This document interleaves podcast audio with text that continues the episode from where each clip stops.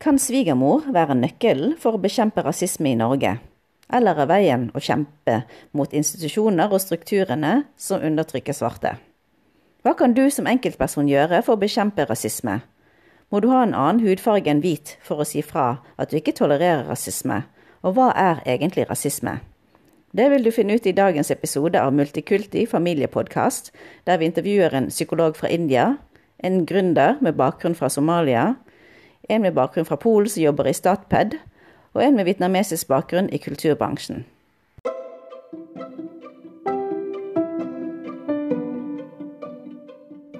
Velkommen til Multikulti familiepod. Denne podkasten er laget av organisasjonen Multikulturelt initiativ- og ressursnettverk, forkortet til MIR. Multikulti familiepod skal handle om familiens rolle i Norge. Med et multikulturelt skråblikk vil vi ta for oss temaer fra forskjellige vinkler og gi deg tips om hva du kan gjøre for at ditt barn skal få et godt liv.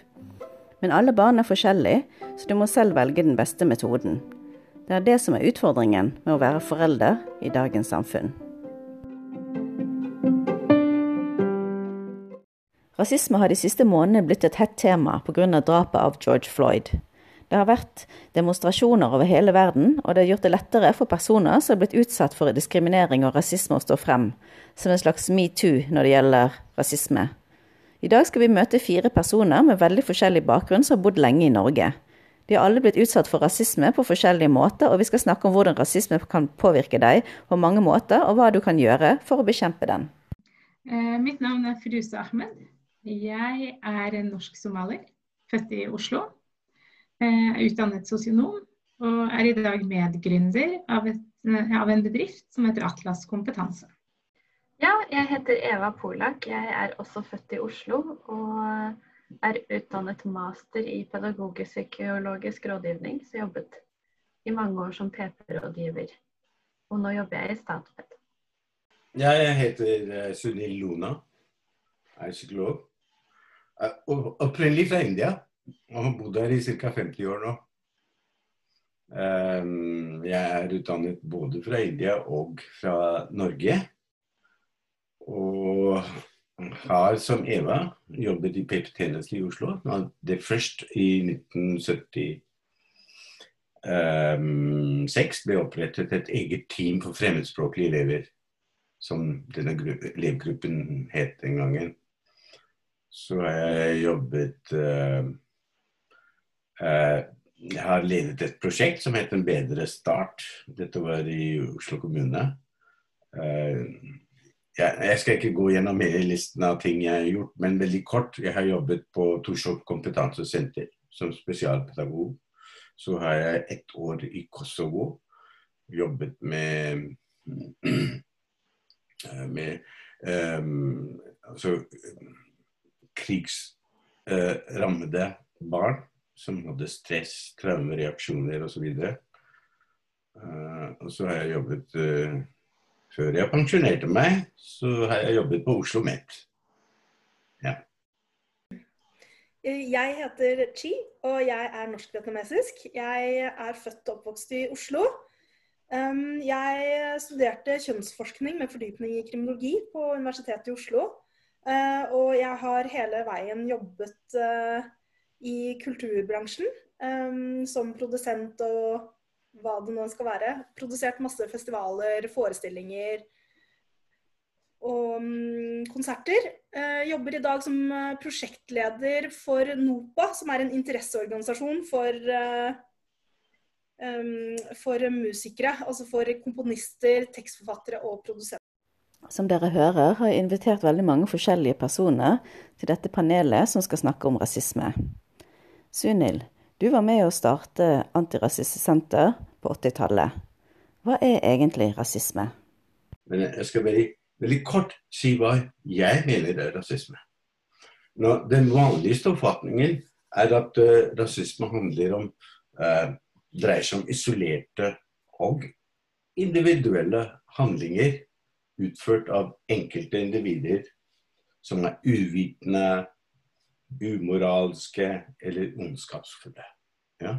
Det det bildet vi får i samfunnet når i de siste årene har flere eh, gamle damer på 75 år som sier 'jævla neger', og som får en dom på seg, eller blir Ja.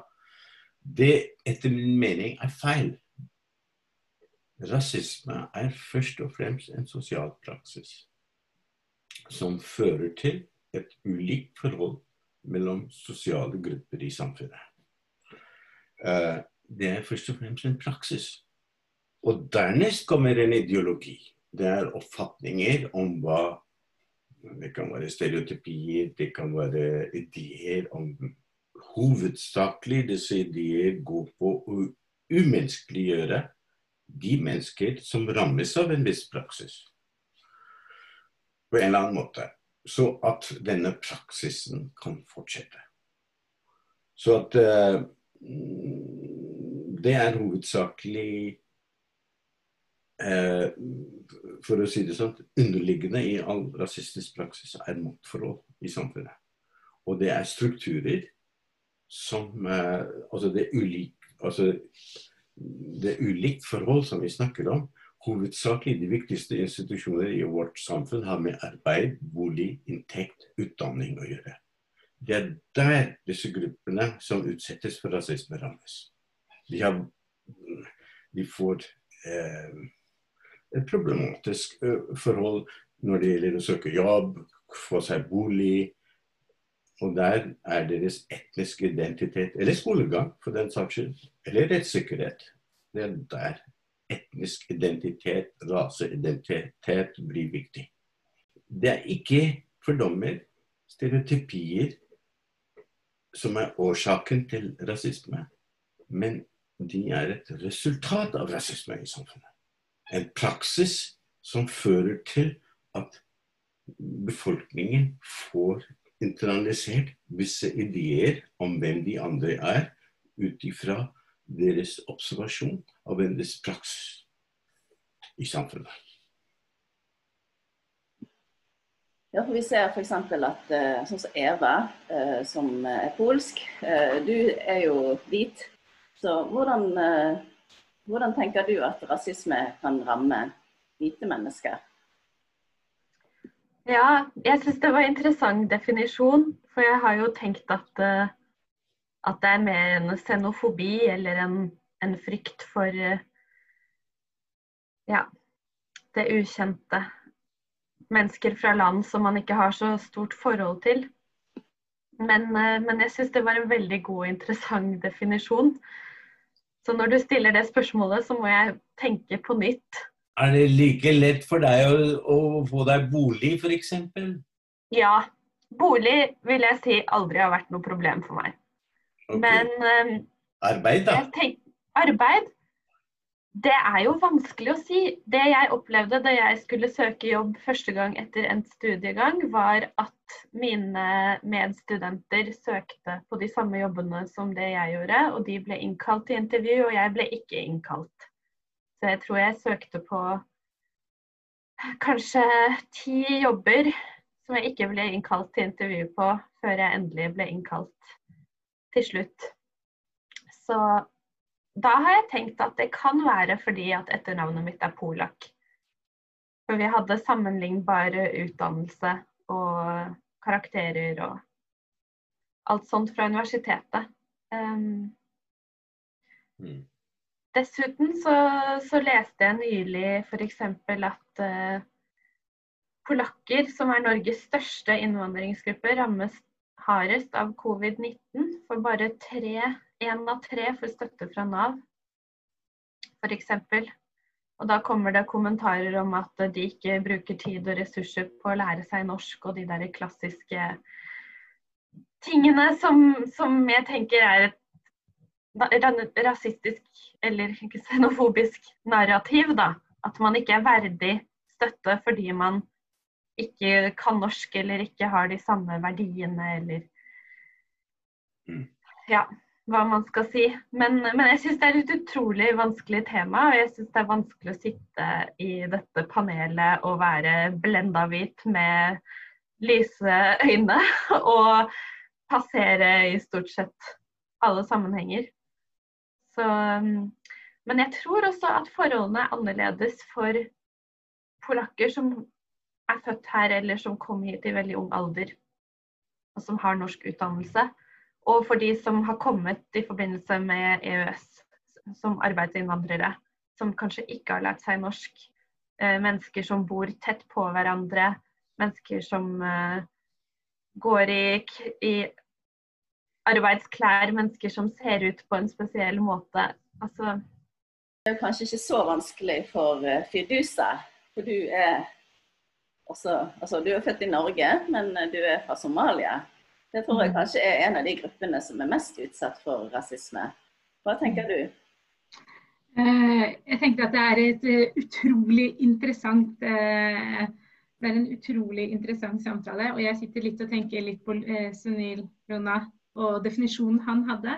For det jeg ser litt for meg, er eh, den rasismen som er absolutt, den er jo struktur, og der kommer jo maktperspektivet inn. Og den blir vi jo rammet av.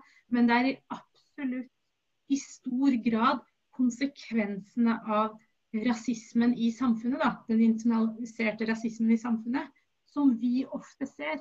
Dette med jævla neger på T-banen, eller i skolegården, eller altså den diskrimineringen som ikke er strukturell, da, den også merker vi veldig godt. Og så er det jo noe med å skille mellom hva er diskriminering, hva er rasisme. Det er jo litt diffust, men jeg har jo sett det på som hatytringer kanskje knyttet til etnisitet. da. At det er eh, rasisme. Altså, veldig enkelt sagt er rasisme fordommer pluss makt. Ja. Eh, at vanlige folk kan ha fordommer, men har ikke muligheten til å leve ut sine fordommer slik at det rammer andre. Men det vanlige folk kan gjøre, de kan støtte opp om, stemme for politiske partier, bevegelser, som styrker, vil styrke rasistisk praksis. Det er de, den rollen fordommer har å gjøre.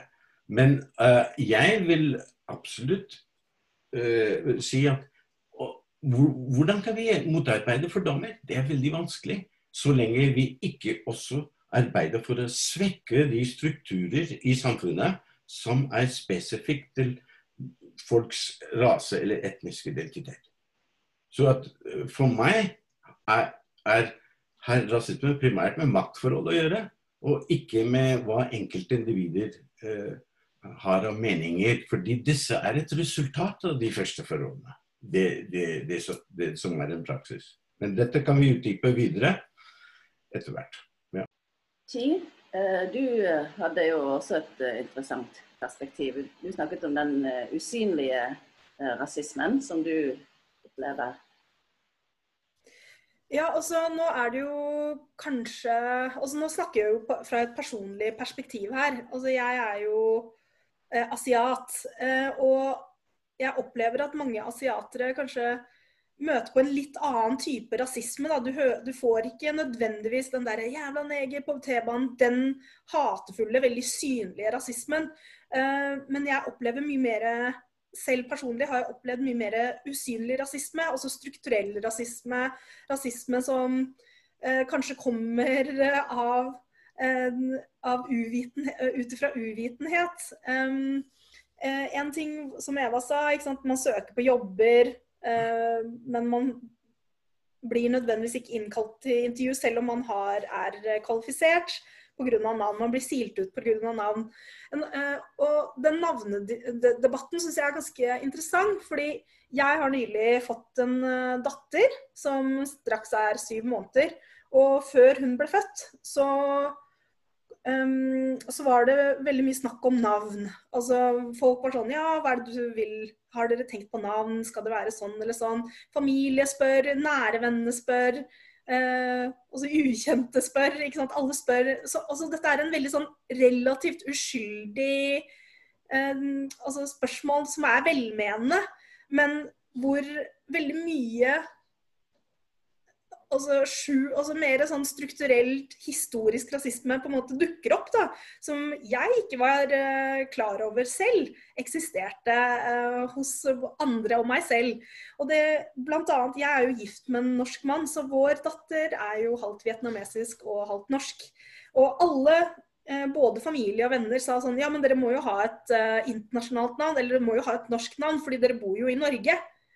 For meg så dukket det Det var en eller annen sånn ubevisst uh, uh, motstand som dukket opp i meg. som jeg bare sånn Men hvorfor må, hete, altså, hvorfor må hun hete noe norsk? Altså, hvorfor kan, Hun er jo like mye vietnamesisk som hun er norsk.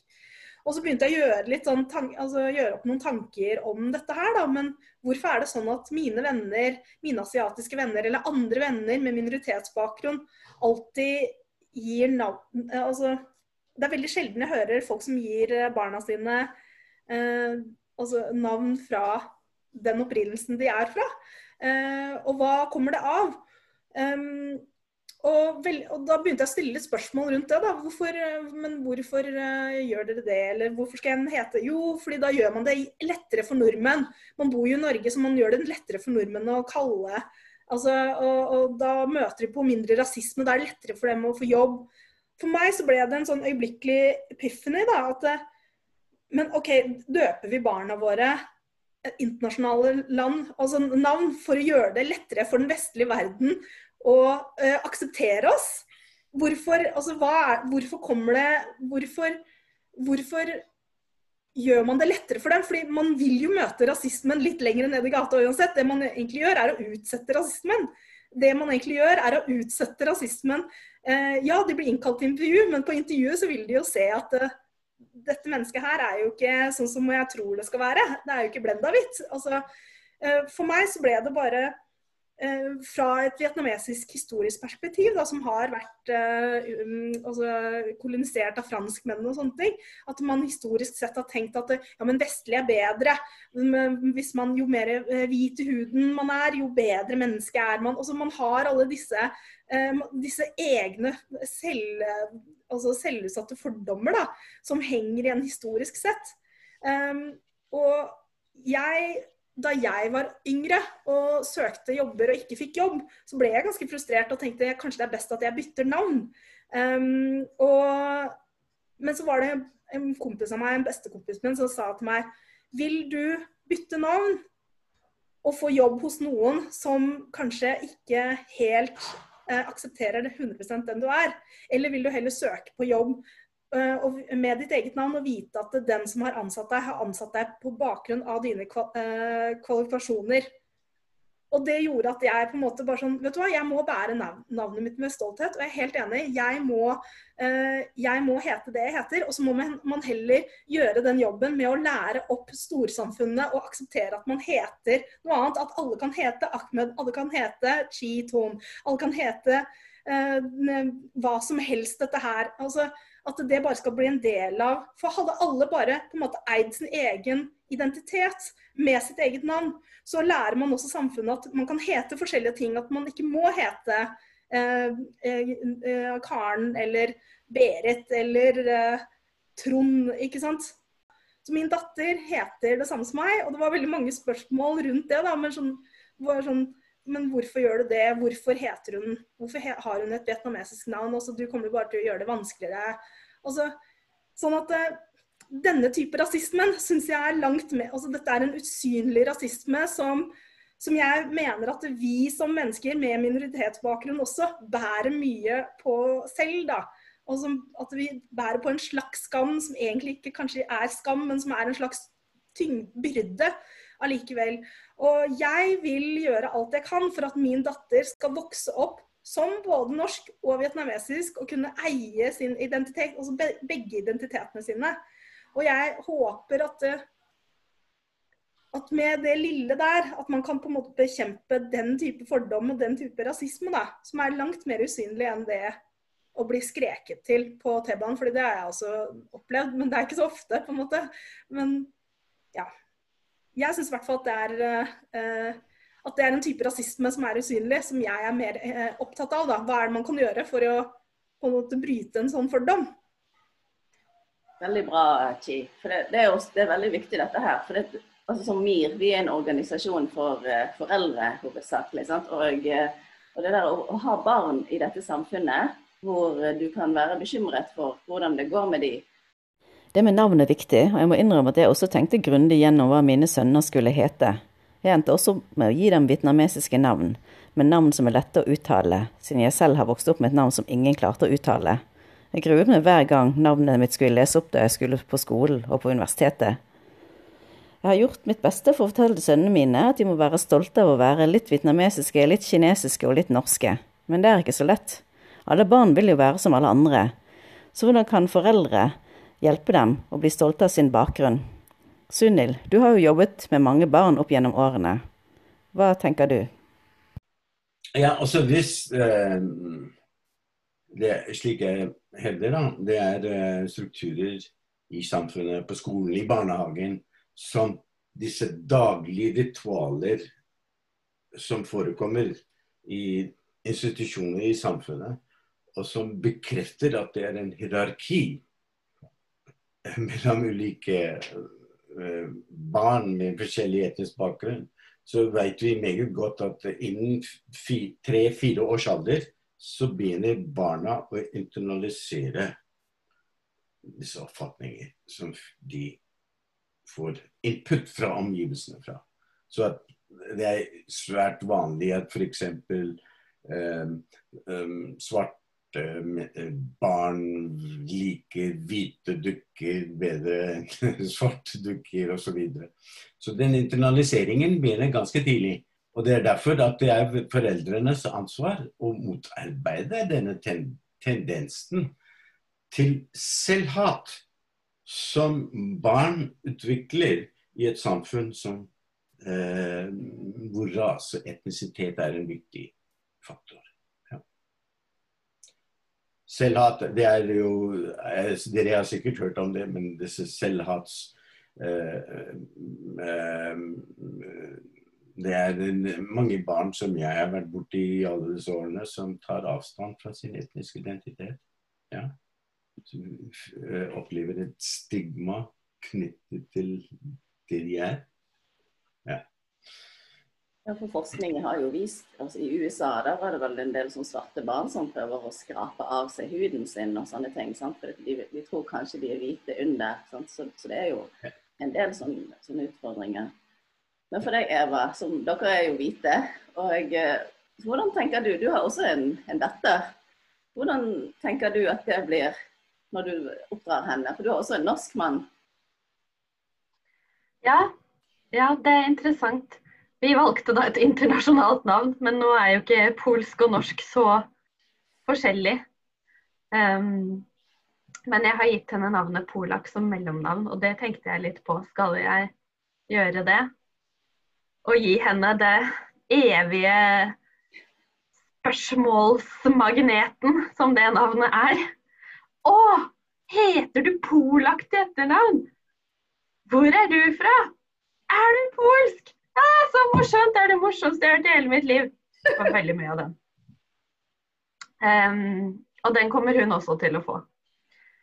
Um, men det er interessant det Sunil sa om selvhat. Og jeg håper at hun ikke kommer til å oppleve det. For jeg må si jeg skjønte ganske tidlig at Polen og det å være polsk ikke var noe sånn høydare i det norske samfunnet.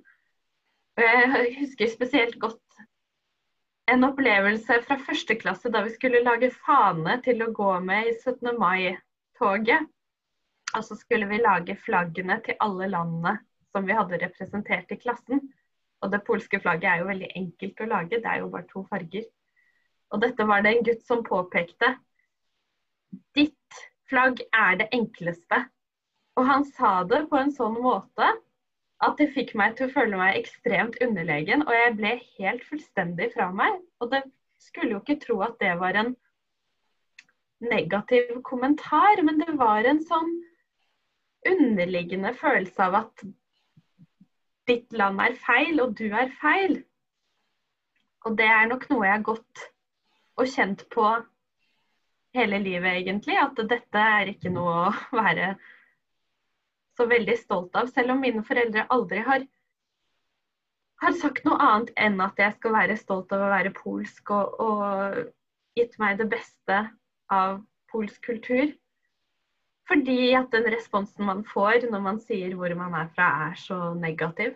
Og jeg må si at uh, særlig i den forrige jobben min i PPT, hvor jeg jobbet mye ute på bygda, som du vet, Win, så var det ofte at jeg ikke oppga etternavnet mitt. Fordi at jeg følte at etternavnet mitt ga et negativt inntrykk på de familiene som jeg skulle hjelpe.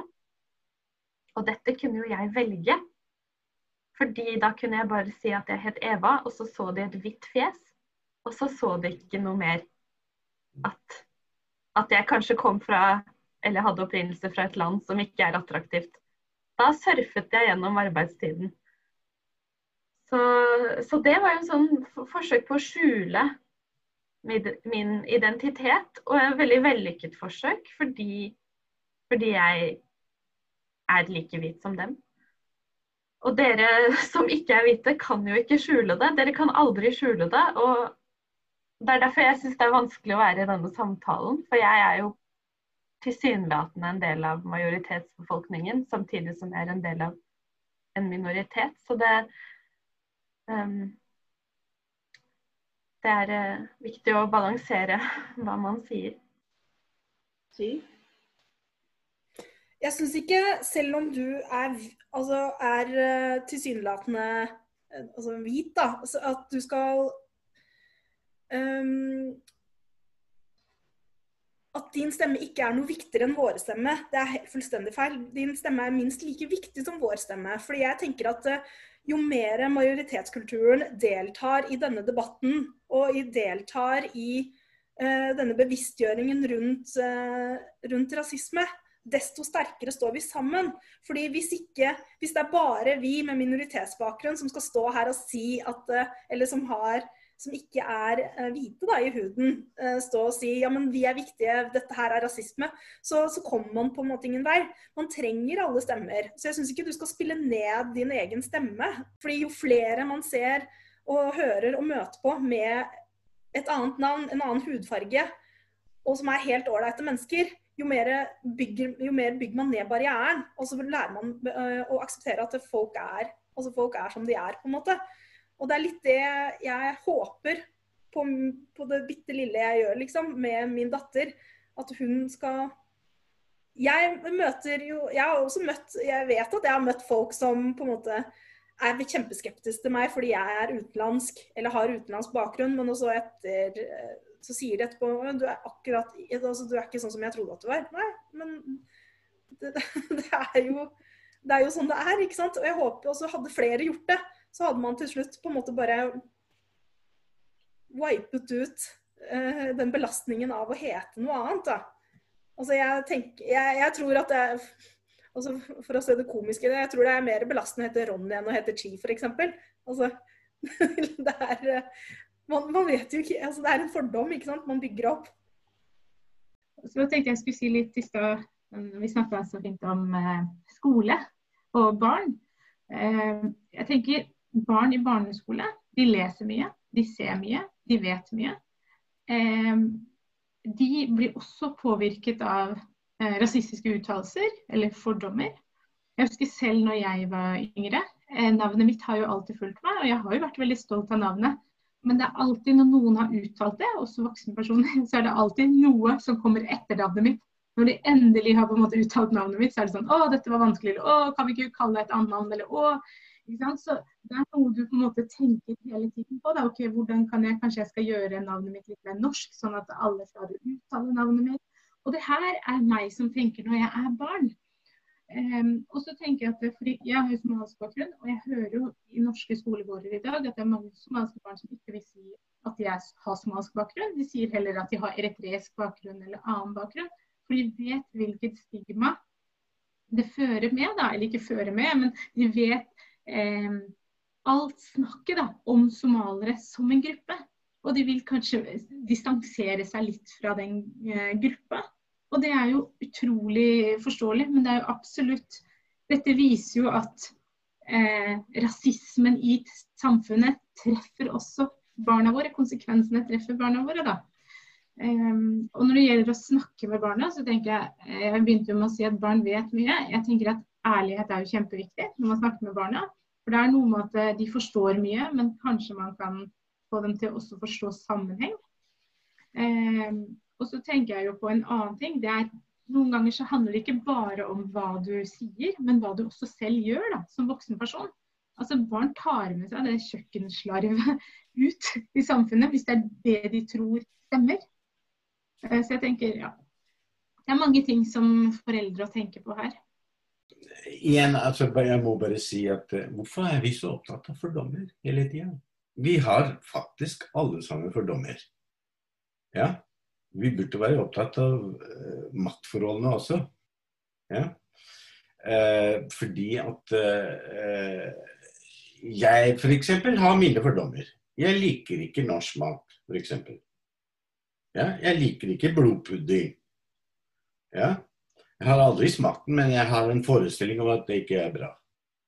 Men jeg har ikke den makten til å, å leve ut, begynne å slå ned folk som spiser blodpudding.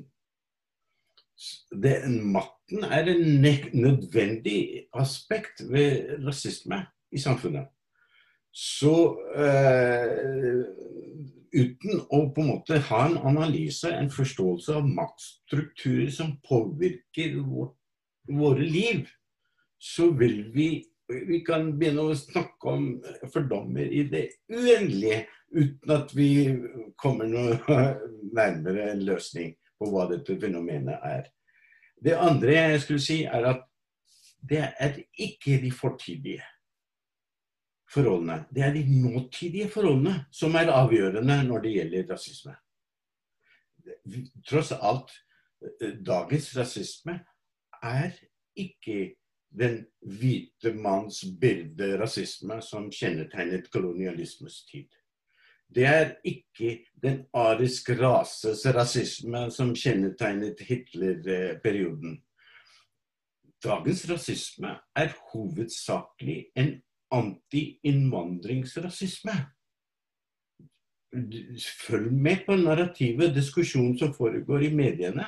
Det er en rasisme som retter seg hovedsakelig mot innvandrere, flyktninger og deres barn. Det er der vi burde snakke om de nåtidige forholdene. Hvordan de nåtidige Og når jeg sier dette her, så vil jeg si at også eh, det er en misoppfatning om at rasisme bare er noe som rammer de som har melanin i huden. Det er ikke sant. Det rammer også hvite mennesker. Historisk sett så har en rekke hvite grupper vært utsatt for rasisme. F.eks. Uh, uh, de irske folk. Så har også svarte mennesker vært utsatt for rasisme. F.eks. tamilene i Sri Lanka. Og jeg selv kommer fra India, hvor kastesystemet, som er en form for rasisme, rammer Eh, en hel masse mennesker deres levekår. Det går utover deres levekår. Det er sånne ting vi burde diskutere, ikke bare fordommer. Delvis enig med Sunil. Endringene tror jeg skjer i det strukturelle. Og at det er strukturelle rasisme vi burde ha fokus på. Men jeg tror ikke vi skal Hvorfor vi har fokus på fordommer, handler vel mer om det er det som treffer oss. Mange, mange, mange ganger så har man kanskje Eh, et behov for å kanskje systematisere eller forstå da, hvorfor du blir på en måte utsatt for det. Og jeg er helt enig, alle mennesker har fordommer. Det er ingen mennesker i dette samfunnet som ikke har fordommer. Men det er noe med uttalte fordommer som mm. hele tiden treffer en gruppe.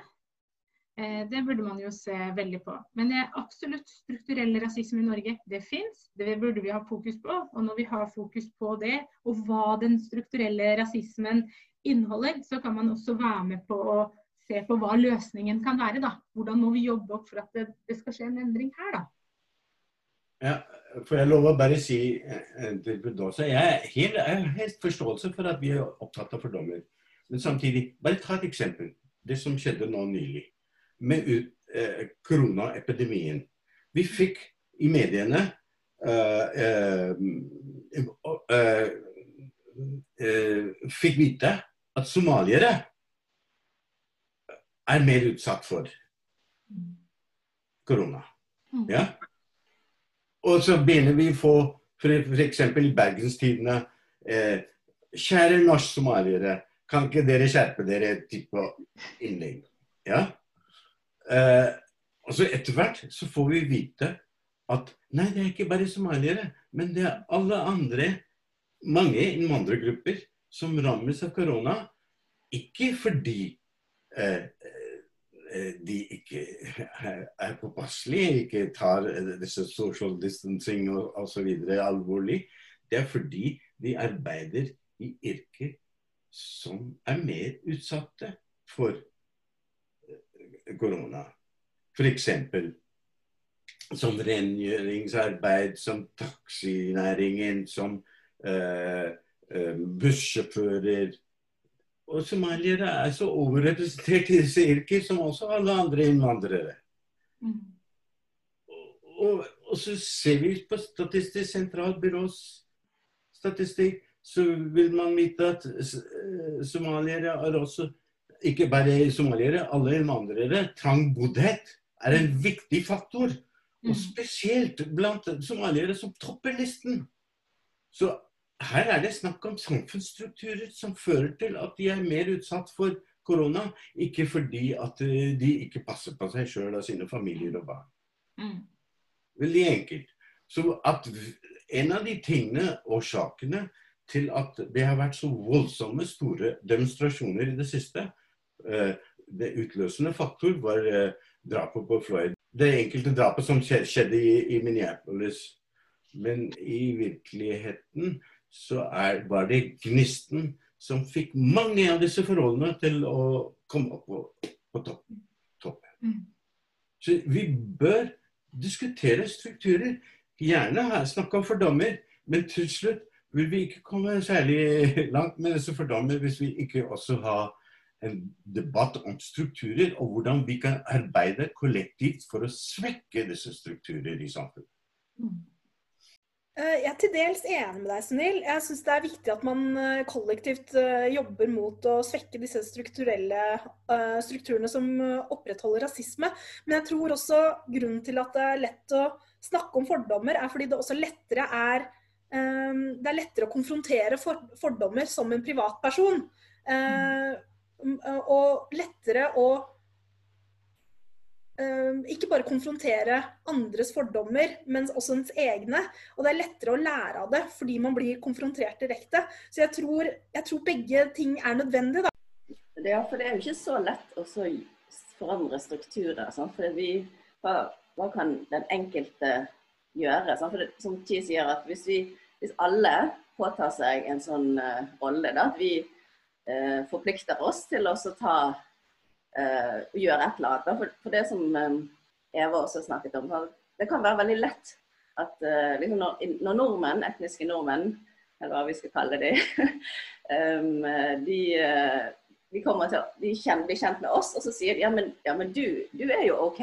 Sant? Men det er han der det er de andre polakkene, de andre muslimene, de andre vietnameserne. Det er de som er dårlige.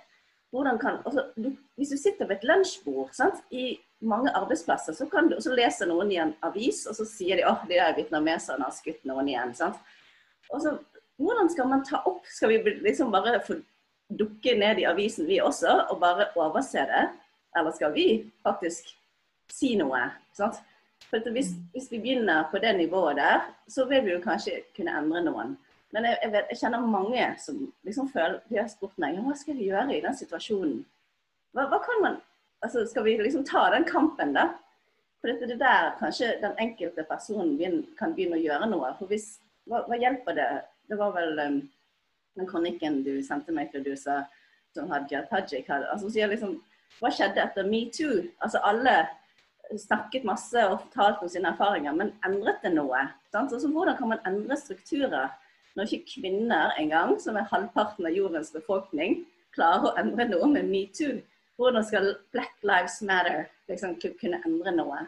Jeg vet at det er vanskelig, men uh, strukturer dreier seg om de objektive egenskaper ved individer der eller familiers livssituasjon.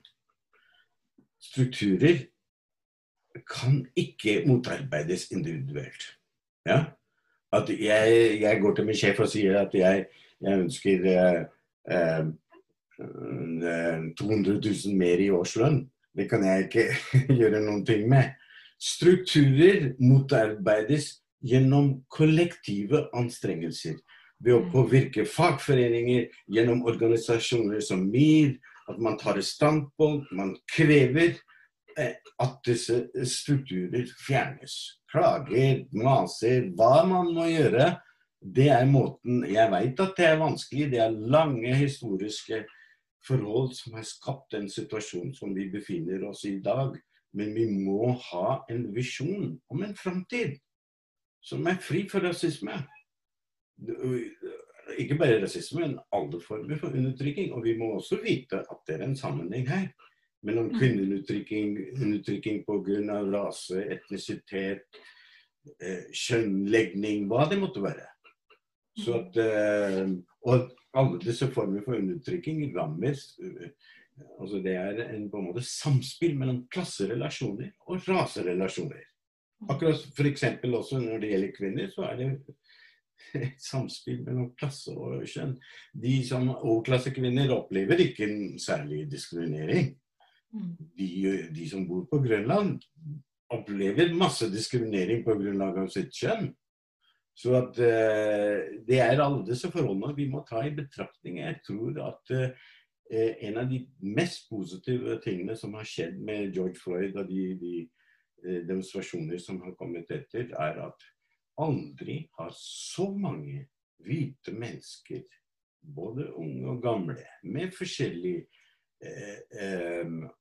i forskjellige alder, gått hånd i hånd med svarte og brune mennesker og vist sin uh, uh, uh, både sorg, og, men også en, et ønske om et felles framtid. Og det er så positivt. Vi må ikke redusere rasisme til å være fordommer, og dermed gi veldig mange gode mennesker som har ganske mange gode meninger, en skyldfølelse på det de ikke har gjort. Ja, det mener jeg er veldig sentralt.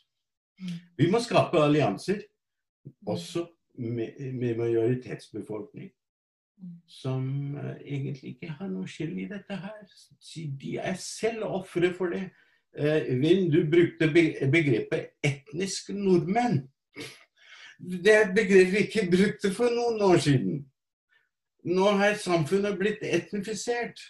Alle er blitt etniske grupper. Ja, Det viser hva som skjer i samfunnet pga. disse strukturer. Ja, det er ikke lett å vite hvilke begreper man skal bruke. Jeg hadde tenkt å bruke helnorsk for å unngå etnisitet, men jeg vet ikke om det er så mye bedre. Og hvordan skal vi betegne oss sjøl? Flerkulturelle, melaninrike, svarte? Begrepene endrer seg hele tiden, og så blir, går det liksom ut av mote, og så blir det feil. Så til slutt så vet man jo ikke lenger hva man skal si.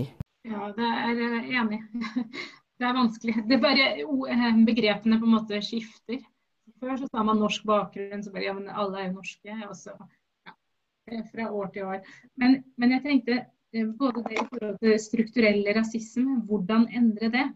Altså Noe rasisme, strukturell eh, rasisme, kan man jo kollektivistisk samles om.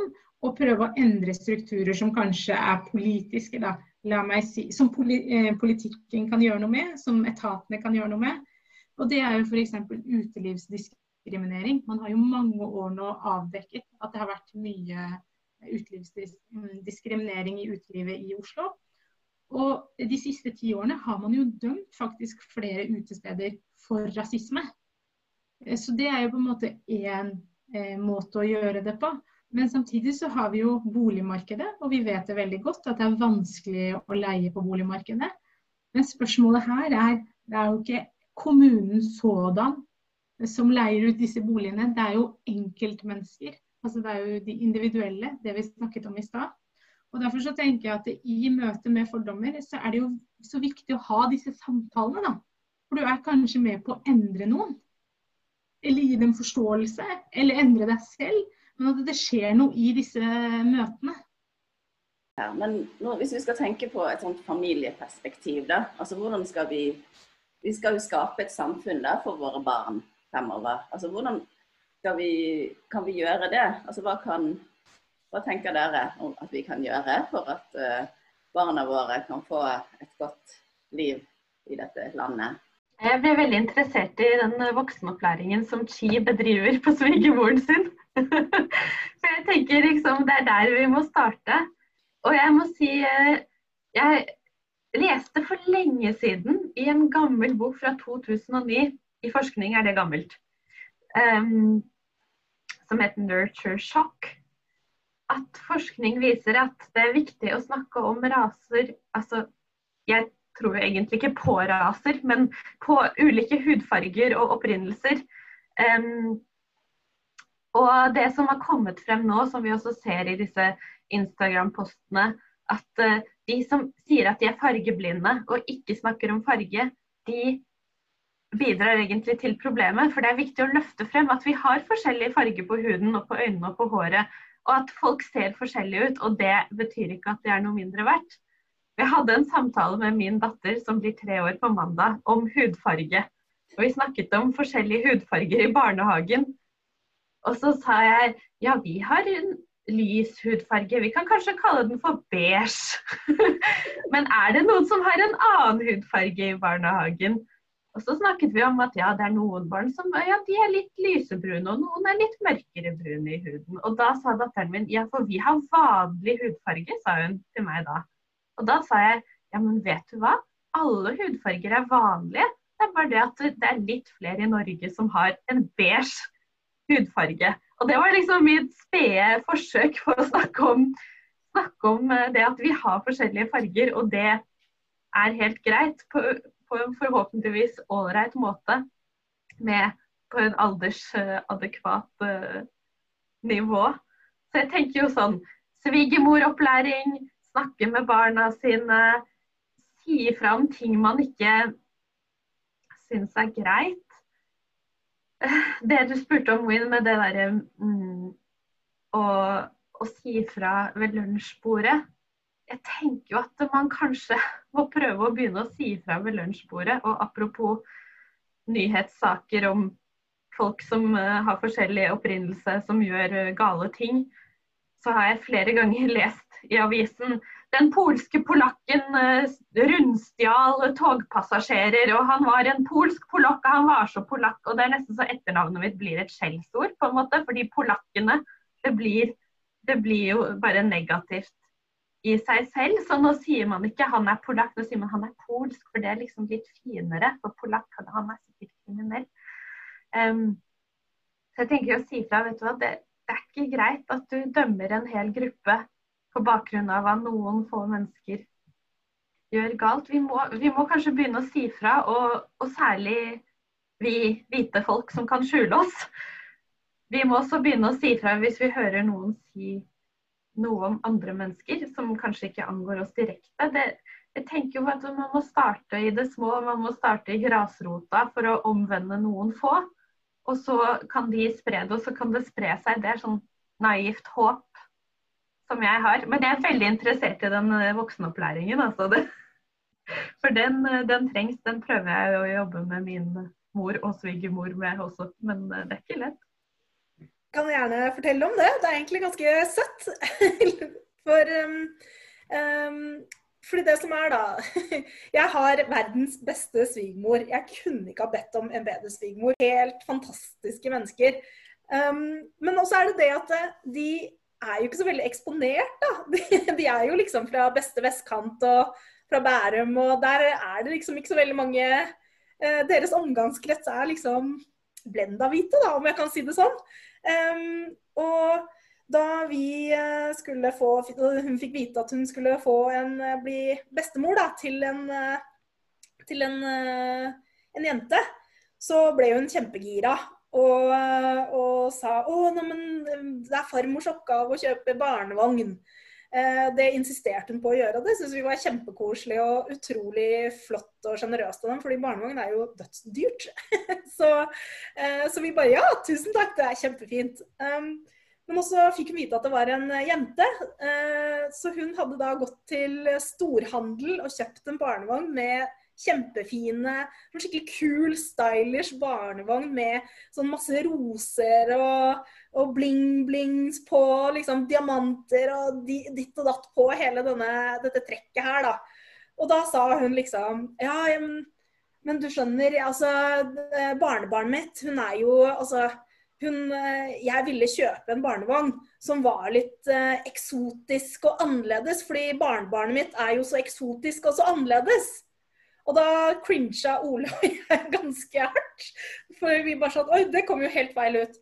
Men så fortsatte hun da å liksom påpeke at barnebarnet hennes var så eksotisk og var så annerledes. Og derfor måtte hun ha en barnevogn som var så eksotisk og annerledes. Um, og det er liksom vi skjønner at det kommer fra et utrolig godt sted. Vi skjønner hvor hun vil hen. Men så måtte vi da ha denne voksenopplæringen med henne da, og si liksom Vi skjønner hva du mener, det kommer fra kjærlighet. Det kommer av kjærlighet og kommer fra kjærlighet. Men du kan ikke si at barnebarnet ditt, barnebarnet ditt som er asiatisk, er eksotisk. Fordi det begrepet blir brukt ofte som og på asiatiske kvinner som at de er underdanige og er seksuelle. Og det er ikke noe du har lyst til å eh, label barnebarnet ditt med. At hun skal vokse opp med å tro at hun må utfylle denne rollen her. For hun har allerede et samfunn som minner henne på disse tingene her. Det behøver ikke å komme fra sin egen familie. Og det at du påpeker at ditt barnebarn er annerledes, det vil eh, i verste fall med tiden når hun blir eldre, føle at eh, min, min bestemor Altså Samfunnet syns at jeg er annerledes, men min egen familie, min egen bestemor, syns at jeg er annerledes. For hun sier at jeg er annerledes. Og det kan eh, potensielt skape avstand til Altså mer avstand når du egentlig ikke mener det. Og det er liksom en form for voksenopplæring da, som vi må gjøre for henne. For hun var sånn der Å nei, dette hadde hun ikke altså Dette hadde hun aldri hørt om før, og dette skal hun aldri si mer, og hun måtte Altså, ikke sant. Og det og det er et veldig Det er jo veldig søtt og veldig naivt på et eller annet vis.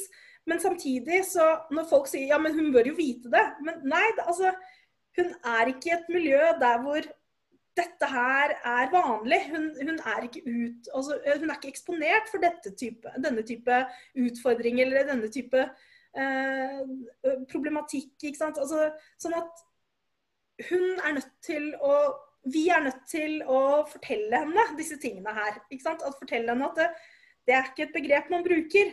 Og det at du kaller det, eh, barnebarnet ditt for annerledes, er jo egentlig bare til skade for deg selv. Altså, ikke sant? Sånn at eh, jeg tenker at eh, det er en veldig fin måte for oss da, å starte med, eh, altså med verdens beste svigermor. ikke sant? Altså, for hun er virkelig den søteste i hele verden. Hun bare vet ikke bedre.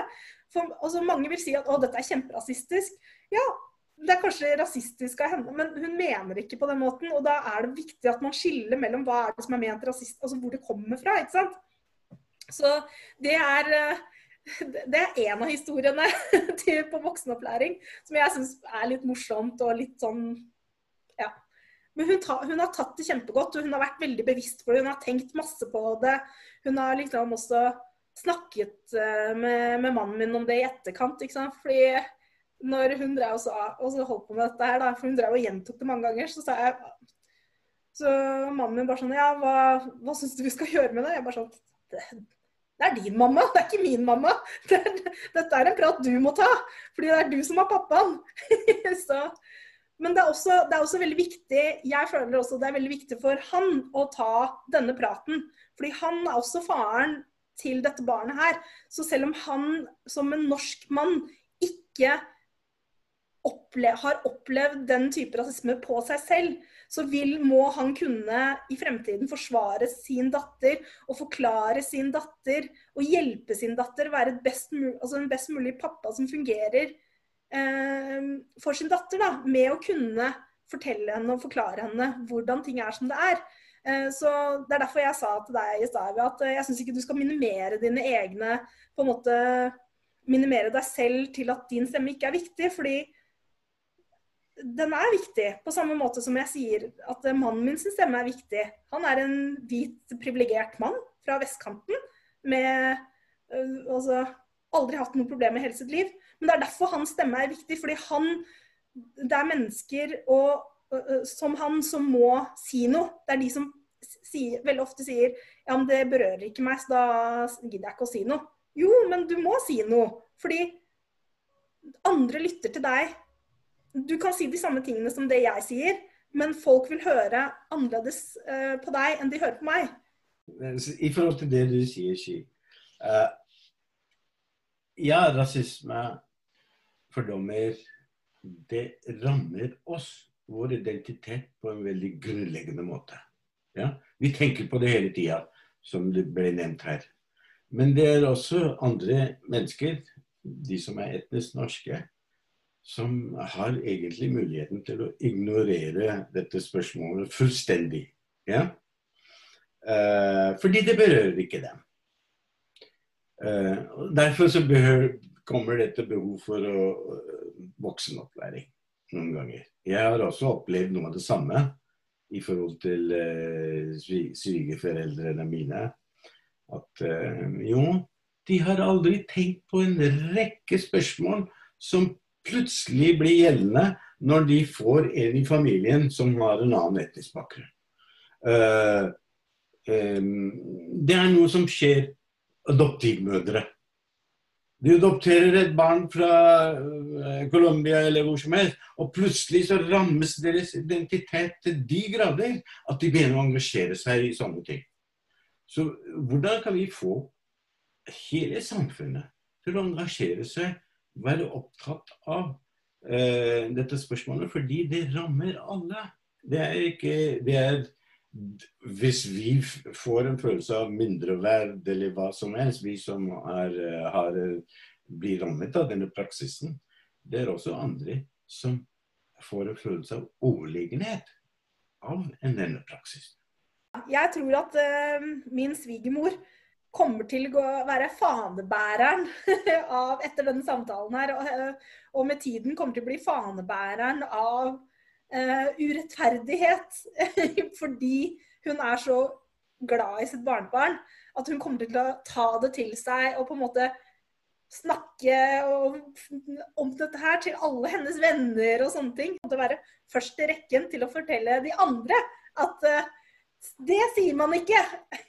så, så det, det, er jo fint å starte et sted, tenker jeg. For det er, sånn, det er sånt menneske hun er, i hvert fall. Altså, dette er veldig personlig uh, historie, da, men det kan jo være at det, når det plutselig rammer en selv, at uh, man, blir, man, blir, så opptatt av det. Ja. Få det riktig og få det gjort. Uh, at um, mm. Jeg tror at det finnes flere eksempler som, som dette her, da. At ikke dette er unikt. Ja, og vi ser jo at det er mer og mer vanlig å gifte seg og ha kjærester fra forskjellige land, så kanskje rasismen går over over tid, fordi flere og flere hvite må stille opp for sine fargede barn. Jo, men, altså, det, men jeg tror det kommer også litt an på foreldre, da. Altså hvem man, hvordan man forholder seg til uh, dette her. Uh, for jeg har også noen andre som vi kjenner, som er gift, en dame som er gift med en nordmann, og de har et barn sammen. Og når de er med svigermor, så klikker svigermor på, på, dem eh, hvis eh, mor og datter snakker vietnamesisk sammen. Og de får ikke lov. Det er liksom lagt ned forbud om å snakke vietnamesisk eh, når svigermor er til stede. Hun sier at eh, de bor i Norge, derfor må de snakke norsk. Så, sånn at jeg tror det finnes eh, begge deler, da. Altså, eh, jeg tror det er veldig opp til altså, åssen foreldre er. Altså hvordan de Hvor bevisste de er på dette, eller hva slags altså, nå er både jeg og mannen min veldig opptatt av dette her, da, så, så, for oss så var det veldig viktig uh, å på en måte ta denne praten her. Men, ja, men kanskje, kanskje, det er det MIR burde gjøre? da? Vi burde lage en sånn samtaleguide. Hvordan skal du håndtere rasister? Og så kan du gi folk argumenter. For jeg tenker for eksempel, Hvis du snakker om venninnen din, da, det, det, er ikke så lett å ta den samtalen. Sant? Og i ikke hvis du ikke vet hva du skal si. Så hvis du kan hjelpe henne med argumenter Vi burde ha sånne studiegrupper hvordan vi, eller hvordan vi skal ta, ta opp svaret hvis det kommer opp på lunsjbordet. For det er ikke lett å vite hva du skal si. sant? For Hvis du sier noe, så kan ingen like deg lenger på arbeidsplassen, for det er hun der som alltid skal krangle. sant? Så, så, hvordan kan man gjøre sånne ting? da? For Vi skal starte sånn på grasrot, men selvfølgelig også gjøre de store tingene der, som demonstrasjoner og kanskje skrive kronikker i avisen. Og... Men mannen min har skrevet kronikk om akkurat dette her, og fikk Ja. masse hat på han, lag, han er musiker, lagde en låt om eh, at han var stolt av å være fra Oslo, at han var så glad for å være en del av det store mangfoldet. Og hele musikkvideoen var smilende ansikter av ulike folk som bor i Oslo, med, fra forskjellige steder i hele Oslo, folk med forskjellige nasjonaliteter og sånne ting. Fikk masse hat! Og dette var hans første møte med, med rasisme som en hvit uh, mann fra Bærum. og det første han tenkte var jeg skal ikke si noen ting, fordi dette var veldig ubehagelig. Uh, inntil jeg banket inn i hodet hans at eh, nei, vet du hva, det er nettopp pga. dette her at du må si noe.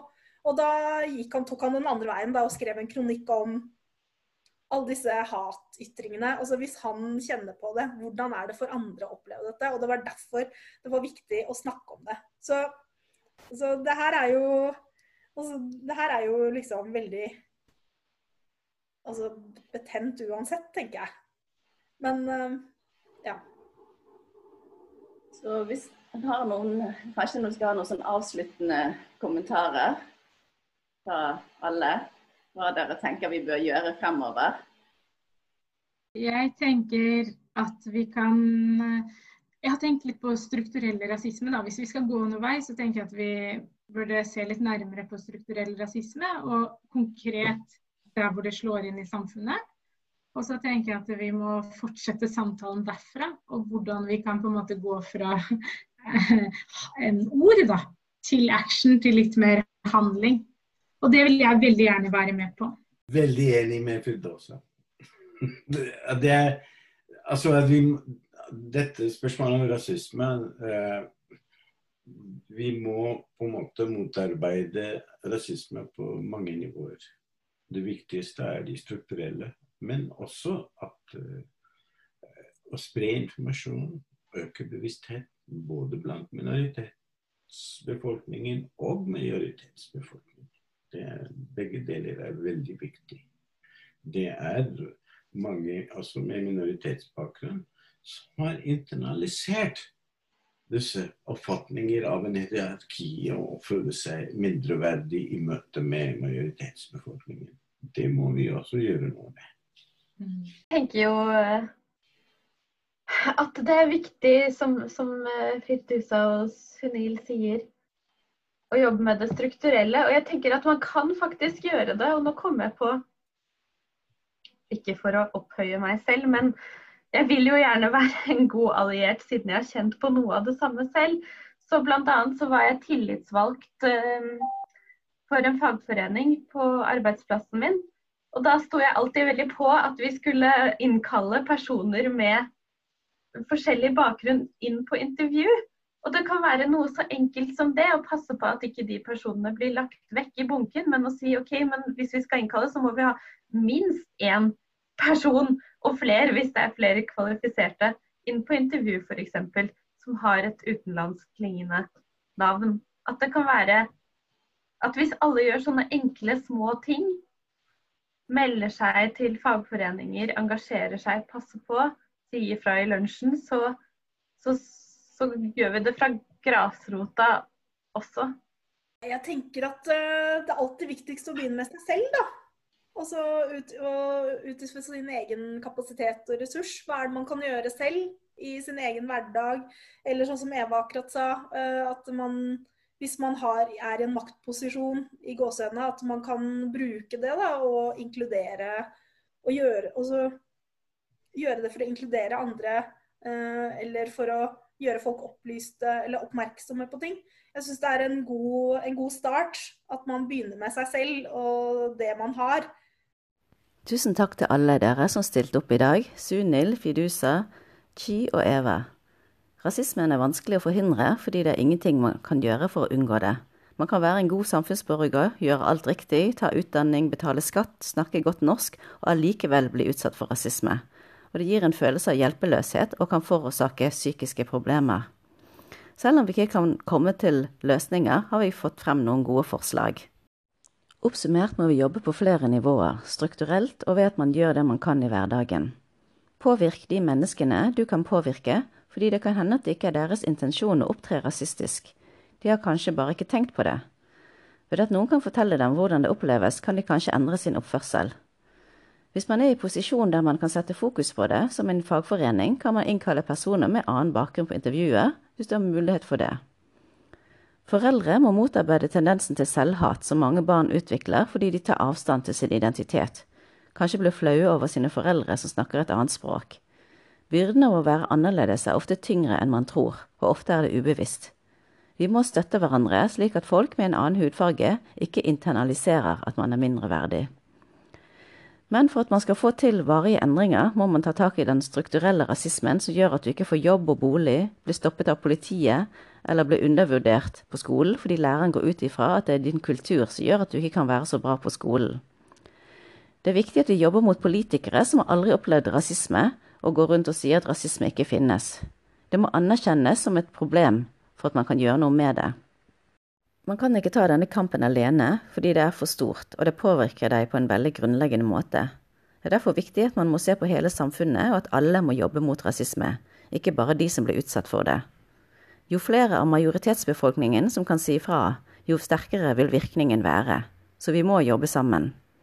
Vi har alle et ansvar å drive med voksenopplæring med våre omgivelser, svigermor, dine kolleger under lunsjen, kan vi som voksne innvandrere være mer stolte av vår annerledeshet, slutte å skamme oss over at vi har vanskelige navn, kreve vår rett og kanskje formidle det til våre barn på en bedre måte? Det er ikke lett, men hvis vi står sammen, er jeg sikker på at det kan gå. Vi kan få det samfunnet vi alle ønsker.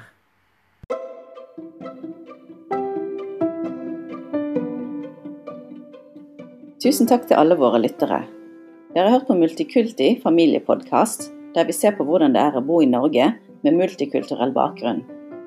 Denne podkasten er laget i regi av Multikulturelt initiativ og ressursnettverk. Mitt navn er Win Lam. Dere må gjerne abonnere på denne podkasten, så dere får direkte varsel hver gang det kommer en ny episode.